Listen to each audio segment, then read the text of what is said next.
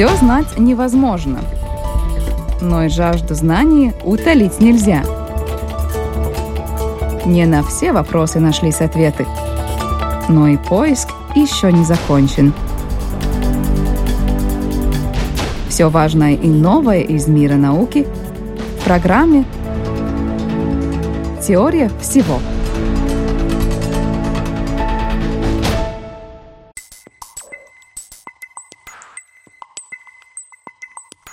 Здравствуйте, дорогие друзья! Вы слушаете Латвийское радио 4. Это программа обо всем важном и интересном из мира науки «Теория всего». И меня зовут Алексей Гусев. Э, хочу вас сразу предупредить, что наш сегодняшний эфир проходит в записи, а, соответственно, позвонить нам не получится. Также, наверное, и сообщения на сайт lr4.lv сегодня слать не стоит. Но обещаю уже на следующей неделе вернуться в живом формате к вам. Сегодня, поскольку у нас 14 э, февраля, на дворе. Мы будем говорить о городских романтических легендах и вообще о городском фольклоре от повести Жуковского до Соньки Золотой Ручки. Это наша сегодняшняя тема. И наш специалист, уже знакомый вам, надеюсь, доктор филологии, преподаватель отделения русистики и славистики на факультете гуманитарных наук Латвийского университета Светлана Погодина расскажет нам об этом подробнее и, надеюсь, достаточно интересно. Добрый день. Добрый день.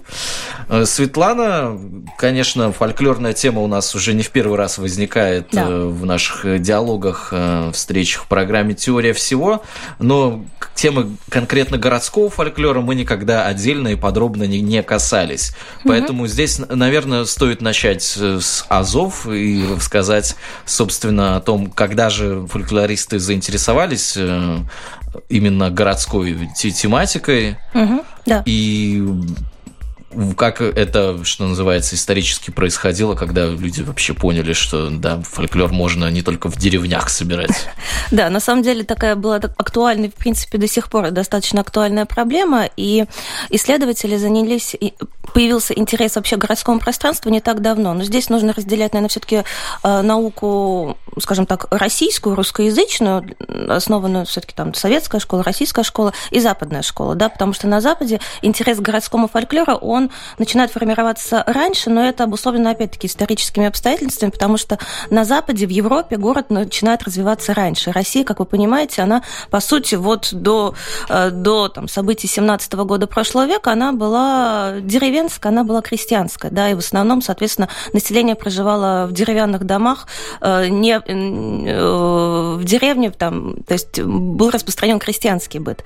А, поэтому, когда мы говорим о российском, о территории бывшей Российской империи, да, то здесь, соответственно, э, понятие вот э, городской культуры, городского пространства, оно начинает складываться где-то, ну, в конце 18-го, начале 19 века, да, то есть, соответственно, когда начинают развиваться, активно развиваться э, города, мануфактуры, производство, влияние западной культуры, массовой культуры становится таким очень очевидным и очень важным, и, соответственно, меняется и вот то, что мы называем фольклорной традицией. Исследователи начали заниматься этим, ну, это было где-то вот конец 19-го, начало 20 века, когда э, большой приток э, стало расширяться городское население, то есть люди, крестьяне стали покидать, соответственно, свои, свои избы, как я отлично сказала, да, и отправлялись в город на заработки. То есть, соответственно, у нас стало меняться городское население, которое состояло, с одной стороны, понятно, понятно, из элиты, из верхов, то есть из аристократической среды, а с другой стороны у нас стало формироваться вот то, что мы называем мещанской средой, средним, э, таким, такой средней прослойкой. Да? Это э, что-то, что синтезировало в себе, с одной стороны, элитарную культуру, высокую книжную культуру, а с другой стороны, это были, э, эта же культура подпитывалась сам, самыми низами, да? то есть крестьяне, которые приезжали в город, они, естественно, приносили в город и свою крестьянскую традицию, которая, понятное дело, начинала трансформироваться и деформироваться под влиянием христианской, да, о, под, простите, под влиянием элитарной культуры. То есть и законы э, крестьянского быта, законы вот этого традиционного сознания здесь начинали э, изменяться, потому что сам город, он всегда, городское пространство, оно принципиально отличается от э, деревенского. Это будет э, выражаться не только в архитектуре, это будет выражаться не только, понятное дело, в каком-то э, визуальном ландшафте, это выражается, естественно, и в мировоззрении, это выражается в так называемом э, хронотопе, если использовать термин Михаила Бахтина, которые он, соответственно, вел. Собственно, состоит этот да. термин из двух слов. Одно из них означает время, а другое место. То есть время-место. Время-место, да. Спасибо большое за комментарий. Ну, мне кажется, да. нужно все-таки да, да. что-то разъяснять. Нет, я бы разъяснила сейчас, вы просто меня опередили. Вот, да. И, соответственно, не случайно Бахтин вводит этот термин, когда он говорит о средневековой городской культуре. Он вводит его, изучая а, материалы э, текстов Рабле, э, э, Гаргантюа и Пантагриэль.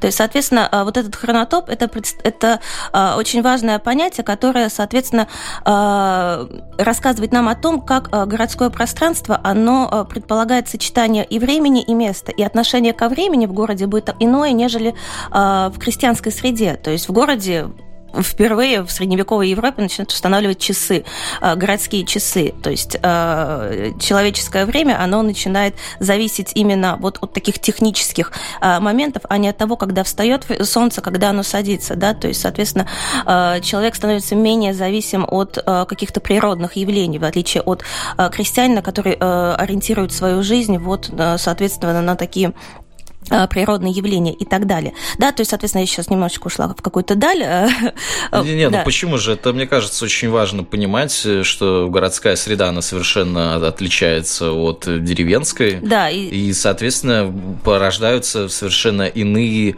э, фольклорные тексты в да, этой то среде. да, то есть, во-первых, появляются у нас иные запросы, не крестьянские, да, а городские. А с другой стороны, город, когда он начинает формироваться, э, он представляет собой тоже пространство, которое должно быть быть заполнено какими-то текстами. То есть мы видим, э, как создаются дома или как они разрушаются, как появляются какие-то места, где живут люди, потом эти люди там умирают, и, соответственно, мы должны это как-то прокомментировать, мы должны это как-то объяснить, потому что для человека э, свойственно объяснять э, интерпретировать, объяснять то, что он видит, потому что вот эту действительность нужно для себя как-то как обозначить какими-то словами. И так, соответственно, начинают создаваться тексты, которые повествуют о том или ином городе, да, то есть, соответственно, и здесь э, сам город, он начинает диктовать э, те условия и те тексты, которые потребны человеку.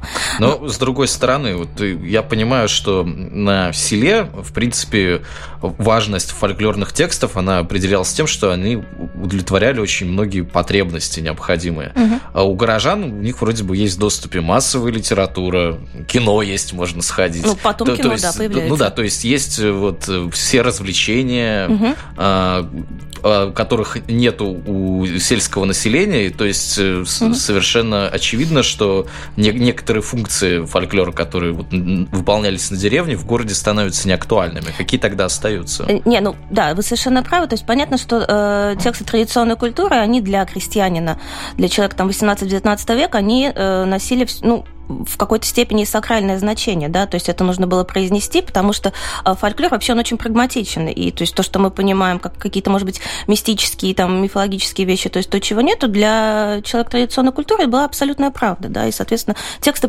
всегда произносились или, или какие-то ритуалы делались с определенной целью. Естественно, что в городе происходит такая десакрализация каких-то текстов, и, естественно, что жанры, которые были актуальны для деревни, они в городе утрачиваются, то есть они не востребованы, они не нужны, никто в городе не будет рассказывать былины, потому что для горожанина у него нет времени сидеть и, соответственно, произносить или э, производить такие длинные тексты, которые повествуют вот о персонажах, которые не релевантны для городской культуры. Но, с другой стороны, город, он ведь, э, соответственно, предлагает какие-то э, новые тенденции. И в первую очередь, конечно, городские создаются, начинают создаваться городские, так называемые городские легенды, то есть тексты, которые будут повествовать о, э, с одной стороны, о вещах, которые понятны горожане, но с другой стороны, здесь тоже будет элемент такого э, мистического, фантастического и невозможного. Надо сказать, что вот для западной традиции, скорее всего, здесь вот э, в городскую легенду, в понятие городской легенды будет входить как раз-таки элемент э, фантастичности, который э, вписывается вот в эту повседневность. И в этом... Ну, и, если уж да. мы здесь говорим о некоторых жанровых особенностях, да. если так можно выразиться, а нет ли там обязательно установки все-таки на какую-то правдоподобность? Ну, городская да, легенда, конечно. вроде бы, то есть, когда мы ее рассказываем, да. хочется даже, может быть, вплести какие-то элементы, что называется, называется, городского планирования, что вот в этом месте это здесь произошло. Да, это... безусловно, это очень важное, э, это очень важное замечание, потому что если мы в это не поверим, какой смысл в этом рассказе, да? То есть э, городская легенда, хотя это звучит, да, как что-то фантастическое, она всегда рассказывается с установкой, что так оно и было, да, в этом смысле. Другое дело, что здесь э, входит такой элемент фантастического.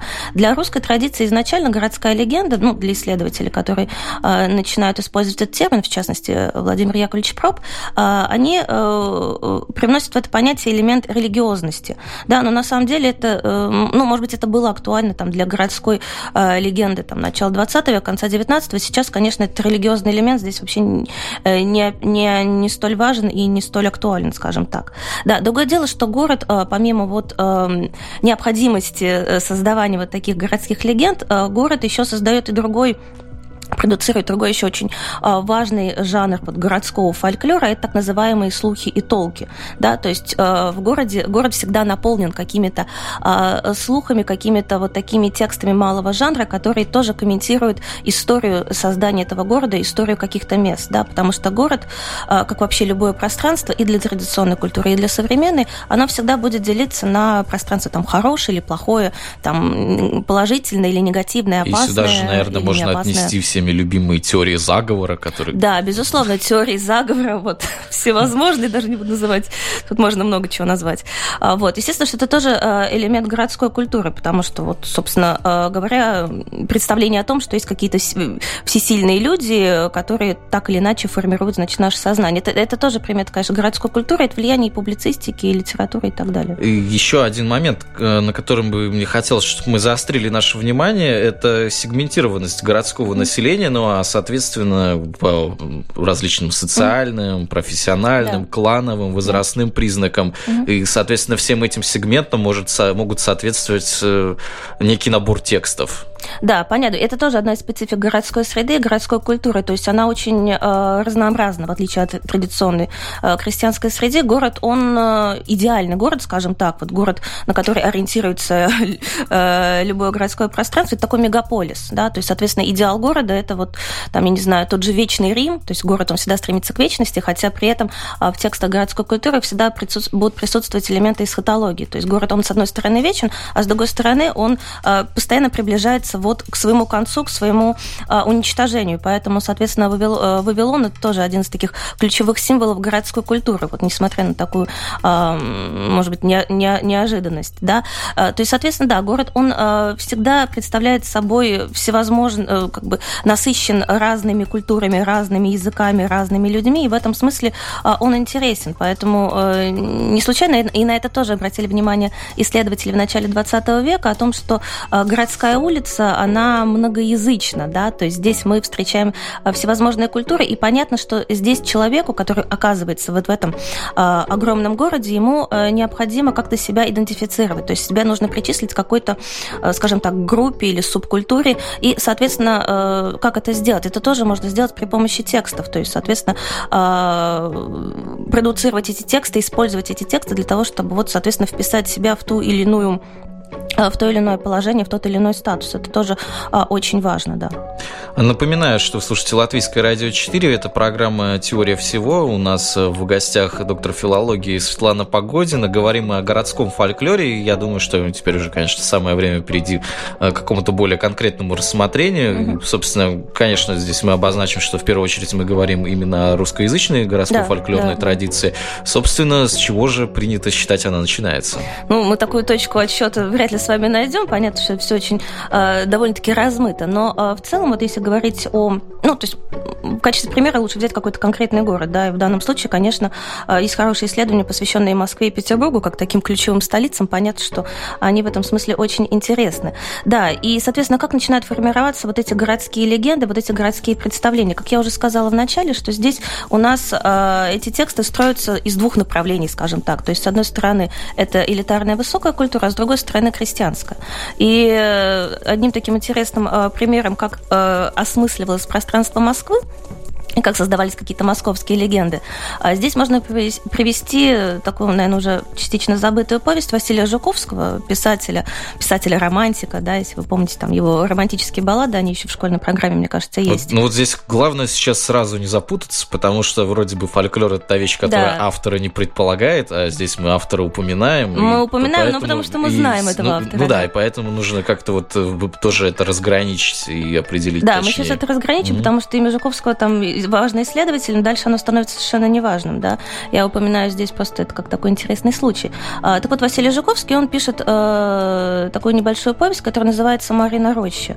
И, со, собственно говоря, вот э, с его такой литературной ну, не попытки, с такого вот э, литературного, с этого литературного произведения, начи, можно сказать, начинается мифология этого городского пространства, которое э, в 20 веке становится таким очень важным э, в песенной городской культуре, в, там, э, в блатной песне, то есть э, в, в тюремном фольклоре и так далее. Интересно, что для Жуковского, понятное дело, это пространство э, носит такой романтический характер, и когда Жуковский создает свое произведение, Марина Роща, она находится, по сути, за пределами э, городского пространства Москвы. То есть это такой, условно говоря, э, природное, э, природное пространство, где собирались горожане и где, соответственно, происходили гуляния, как правило, на Троицу, на такой весенний, э, весенний праздник, когда там, э, соответственно, заплетали деревья, пели песни и происходили всякие такие э, сельские радости и так далее.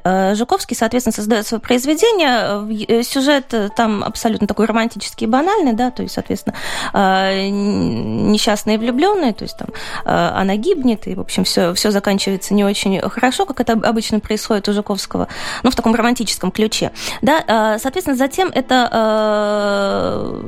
и одна, одна, одна из интенций произведения Жуковского, помимо такого романтической истории, это объяснение, почему это место так называется, Марина Роща. То есть роща, названная в честь некой Марии. То есть, соответственно, вот вопрос, а кто такая была Мария? Ну, Жуковский дает свою такую романтическую интерпретацию этому сюжету. А дальше мы начинаем смотреть, как это э, развивается в последующих и литературных, и, скажем так, около литературных текстах. Да, то есть это э, та же самая Мария, она, соответственно, может менять там свое происхождение, свою судьбу, но в любом случае это будет такой рассказ о несчастной любви, соответственно, о том, что девушка гибнет вот где-то в, этом, а, в этой роще, то есть либо там ее убивают, либо она сама кончает жизнь самоубийством и так далее.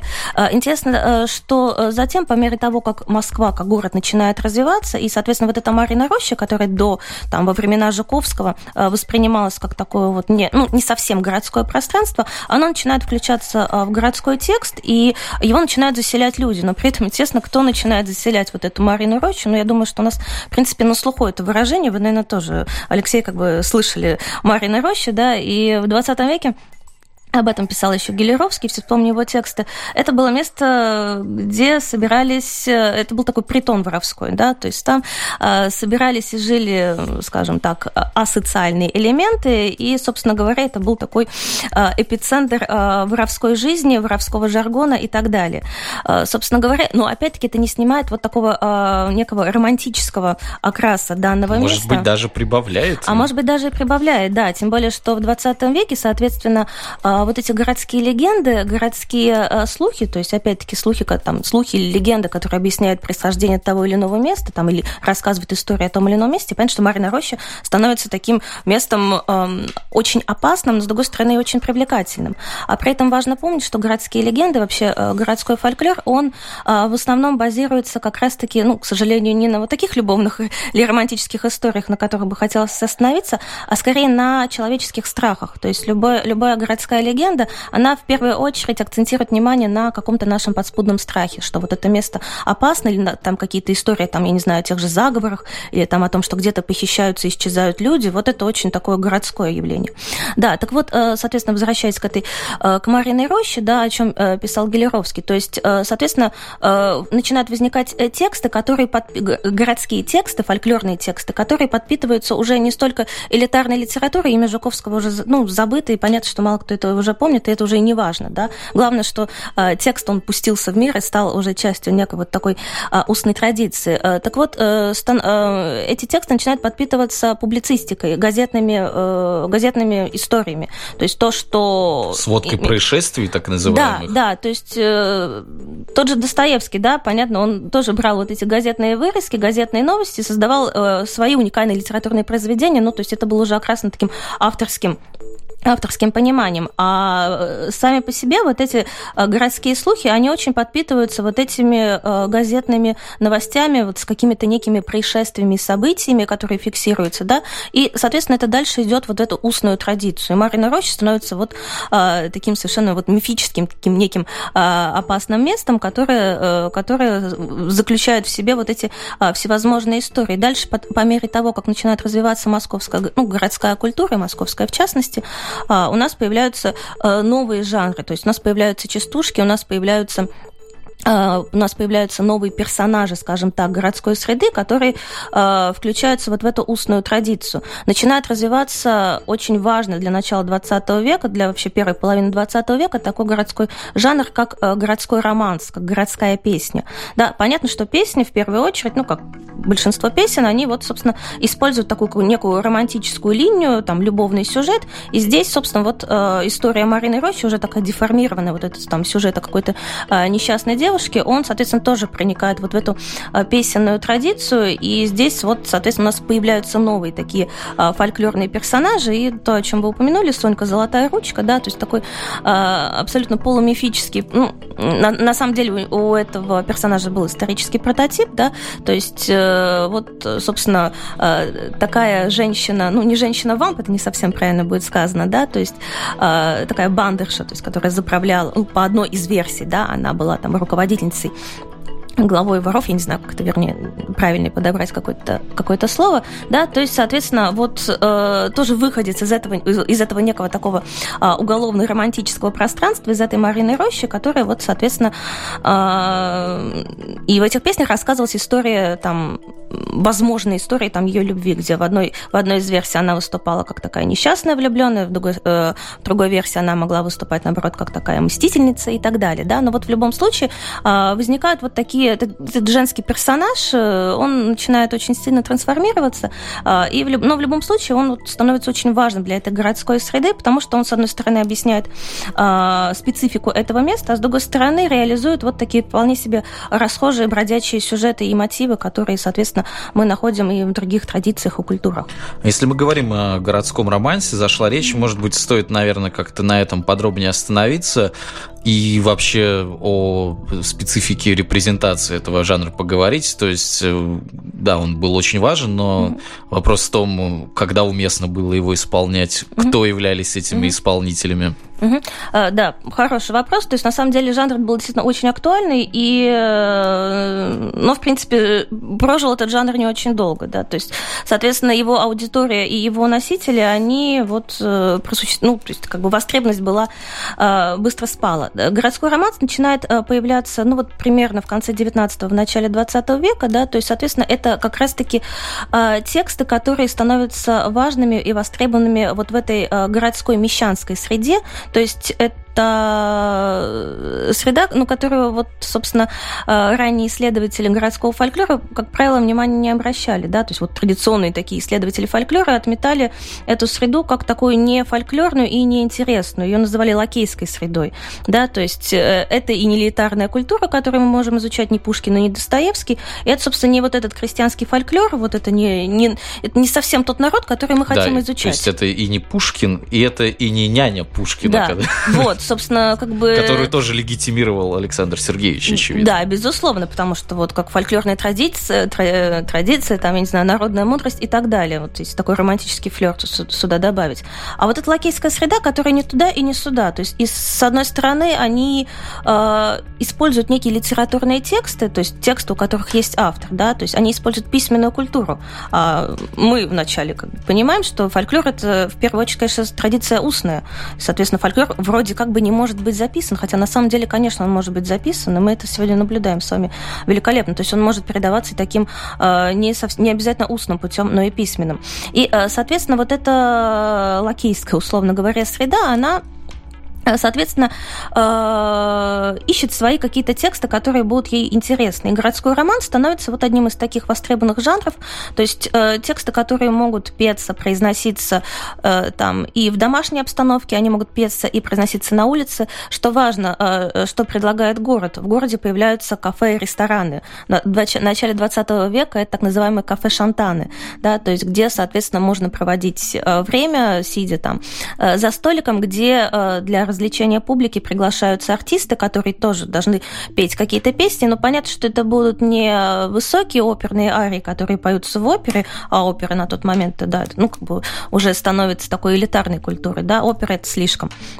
А здесь нужно что-то среднее. Но опять-таки это не будут петься какие-то вот там, я не знаю, традиционные тексты фольклора, потому что для городской среды это тоже нерелевантно. Нужно что-то среднее. И так появляется вот эта городская песня, которая включает в себя вот э, совершенно такие очень э, клишированные, очень э, в какой-то степени, там, я не знаю, вторичные тексты, но они востребованы этой публикой. И, собственно говоря, здесь вот эти оценочные категории, которые э, иногда используют исследователи, они не, ну, не, не должны нас интересовать, да. То есть понятно, что тексты не очень хорошие с художественной точки зрения, но они очень интересны, потому что они отражают вот эти некие коллективные запросы и э, коллективный интерес. Вот. А если он был на, настолько удачно, что называется, вписанный в эту конъюнктуру, да. а, если так можно сказать, то почему же такой скоротечный век у этого жанра оказался? То есть что его, его что-то вытеснило, получается? Э, его вытеснили, опять-таки, исторические обстоятельства, как всегда это происходит. Да? Жизнь вмешивается. То есть изменяется, изменяется городская среда.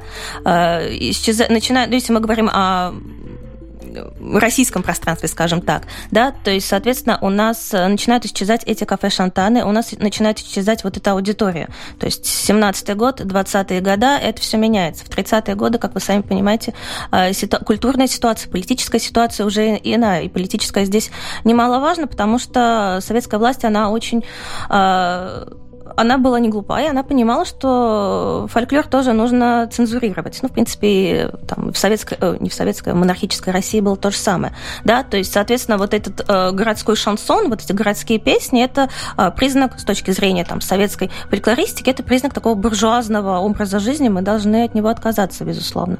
Да? То есть, собственно, вот эти, это были важные причины.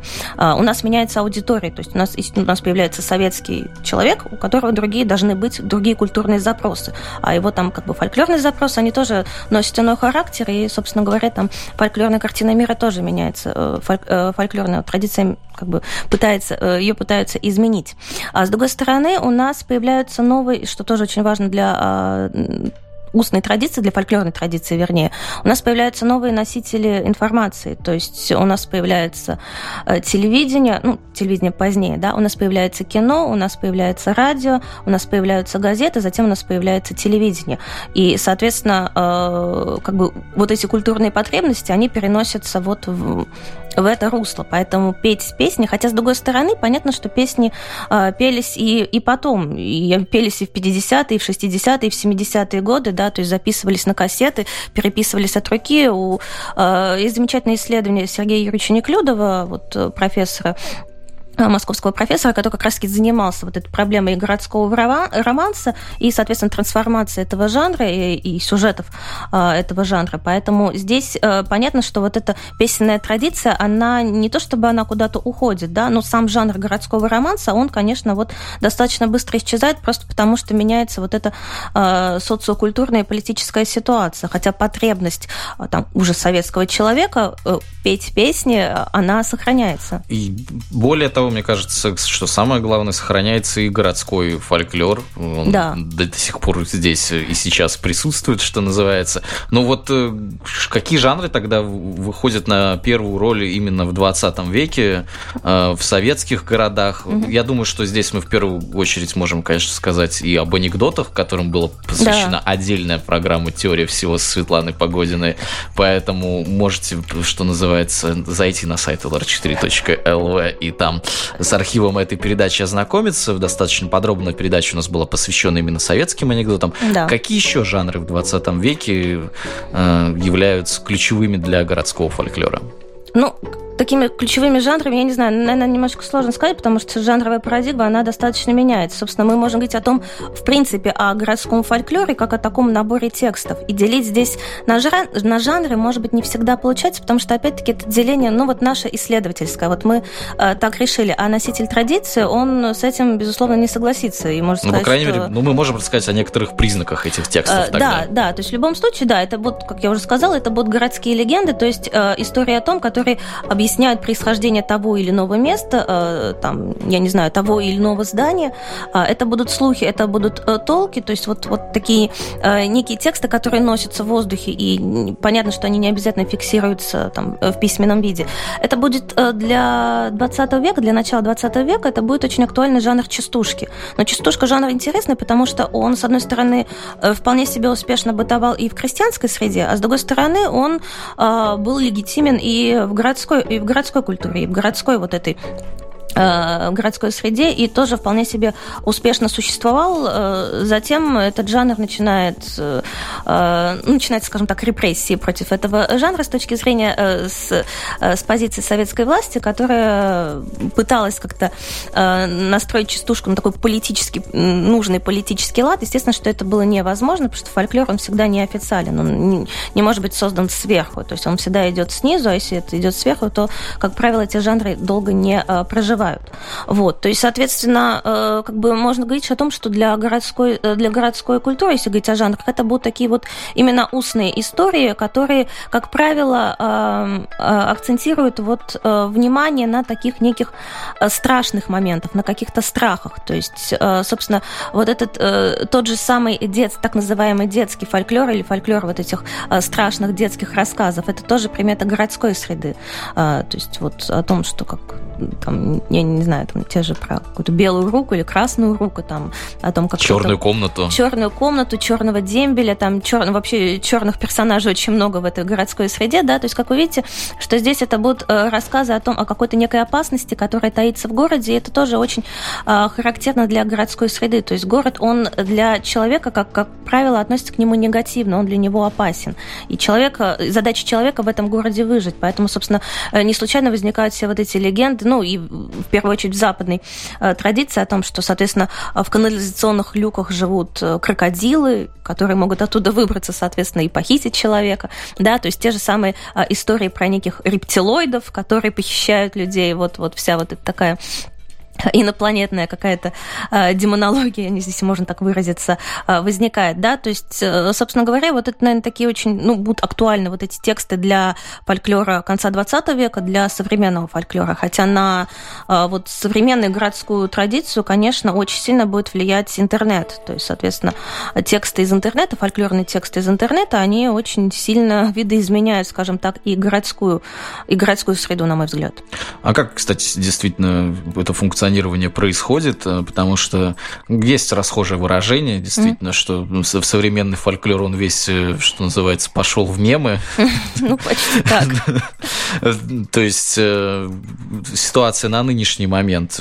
Если фольклорист хочет заниматься, исследовать вот современный, да, такой городской фольклор, то ему следует в сеть в первую очередь идти или все-таки выходить на улицу? Ну, тут можно делать и то, и то. Можно делать это вместе, можно делать раздельно, да, понятное дело, что мы записываем интервью и у городских жителей, это один пласт. Мы, естественно, можем записывать интервью и у жителей там провинциальных городов, это будут тексты немножко другого плана, и там, может быть, больше сохраняется вот такая крестьянская традиция. Естественно, что мы можем записывать, и мы записываем интернет вот в этом сетевом пространстве. И э, понятно, что это тексты, ну, это тоже фольклорные тексты, несмотря на то, что они э, имеют такое письменное бытование, да, но это не отменяет их фольклорного плана, потому что там тоже в интернете как бы у нас не присутствует... Но нам не важен автор, который там э, существует, но э, там тоже присутствуют эти аспекты, там, которые, когда текст ориентирован на массовость, на безавторство, соответственно, э, очень широкую вариативность и так далее. То есть в интернете мы это все можем